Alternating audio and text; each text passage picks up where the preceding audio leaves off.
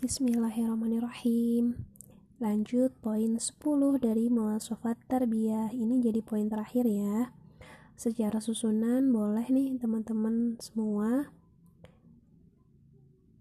Menerapkan sesuai dengan kapasitas dan kemampuannya masing-masing. Jadi tidak tersusun seperti yang saya sampaikan ini. Intinya dari 10 ini silahkan.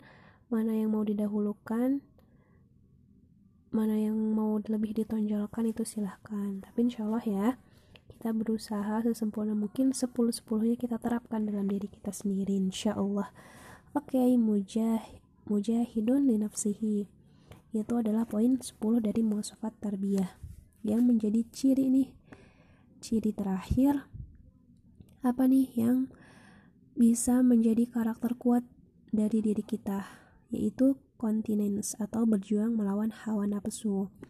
Luar biasa banget ya ketika kita membahas melawan hawa nafsu karena banyak sekali yang harus kita dorong, banyak sekali yang harus kita lawan. Bahkan saking luar biasanya hawa nafsu ini kata Rasulullah pada saat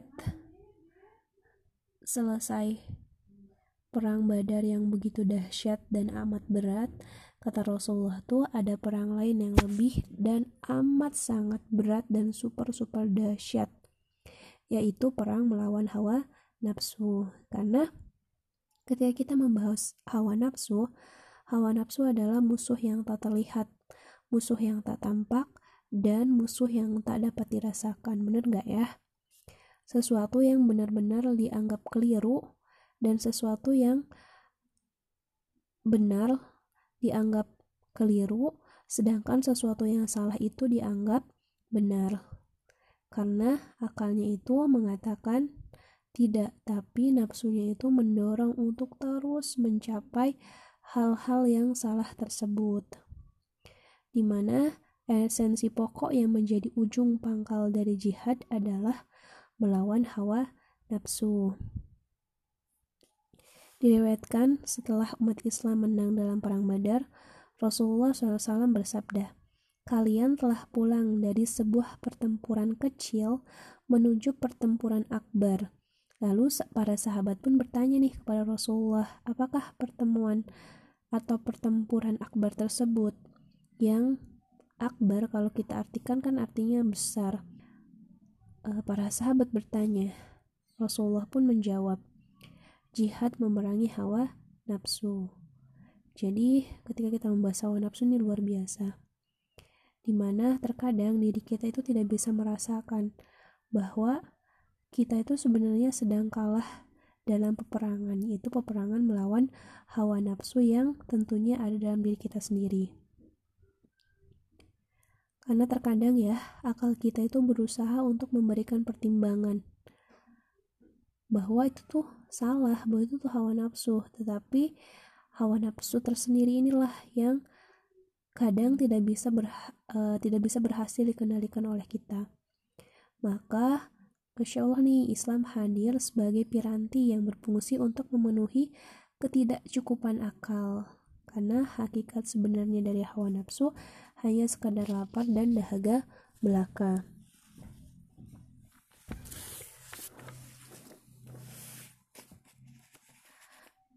Menurut Imam Al-Ghazali,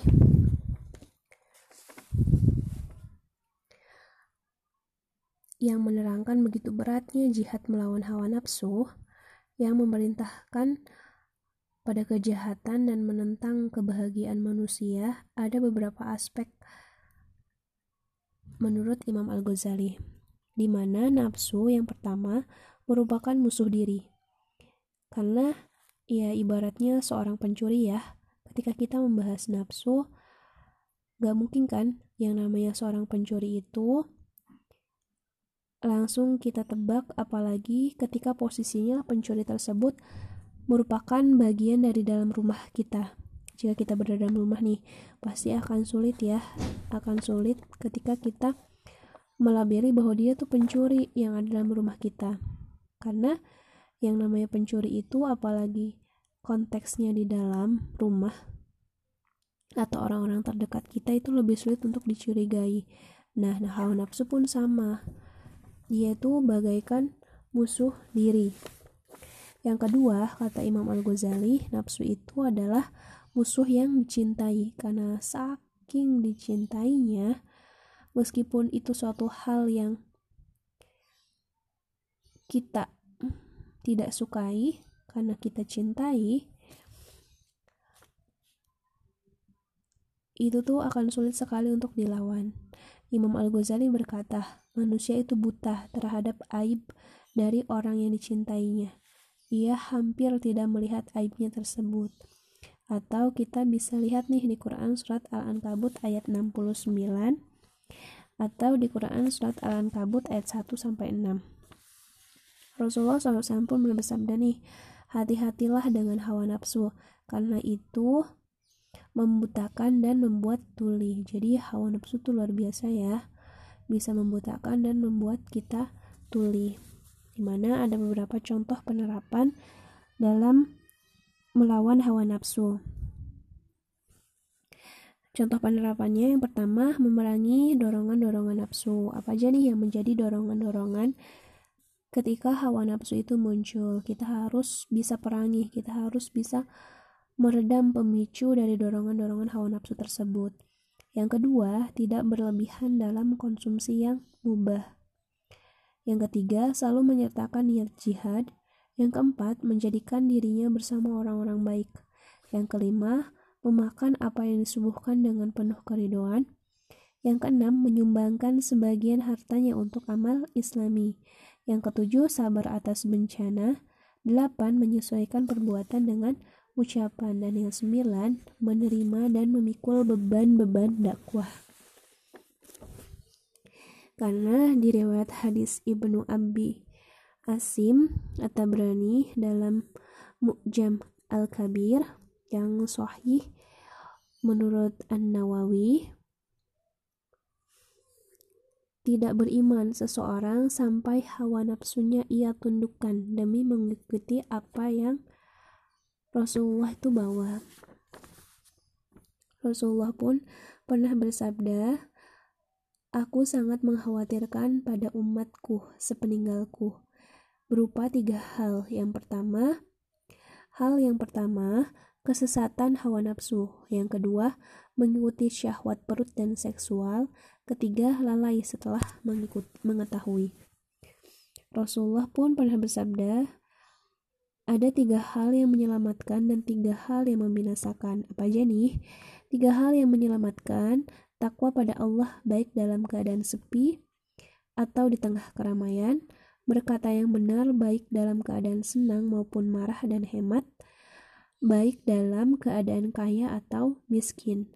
Adapun tiga yang membinasakan, yaitu pelit atau bahkil yang ditaati, mempertuturkan hawa nafsu, dan bangga terhadap diri sendiri. Naudzubillah ya.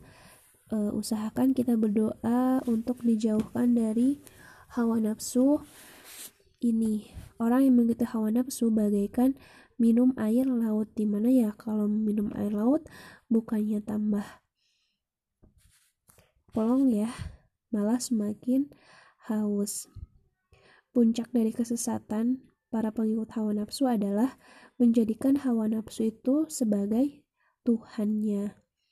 Namun terkadang ya ada argumentasi rasional yang dibangun untuk mempertahankan kesesatan.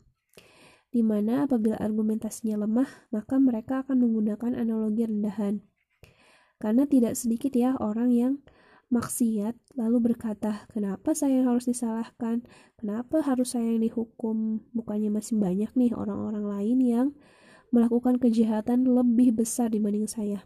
Padahal yang namanya kejahatan, yang namanya kemaksiatan, besar atau kecil adalah tetap kejahatan. Besar atau kecil tetaplah kemaksiatan. Bahkan perjinaan sekalipun atau perjinaan yang berulang kali adalah sebuah kejahatan. Mau mencuri sedikit atau banyaknya pun tetap disebut kejahatan. Bukankah pepatah mengatakan ya, tidak ada orang yang mati kesandung gunung? Tetapi orang yang mati, yang mati itu kesandung kerikil. Jadi ukurannya bukan besar kecil. Artinya, kehancuran sering kali bukan pada intensitas kejahatan atau ukurannya, tetapi karena kejahatan itu sendiri, walaupun sekecil-kecilnya kejahatan. So, apa sih solusi untuk mengendalikan hawa nafsu? Yang pertama, memohon pertolongan pada Allah. Ini senantiasa ya, kita harus selalu meminta pertolongan kepada Allah. Yang kedua, selalu mengingat kematian. Yang ketiga, berjuang terhadap diri sendiri dan masih banyak lagi ya itu ya teman-teman semua wallahu alam bisawab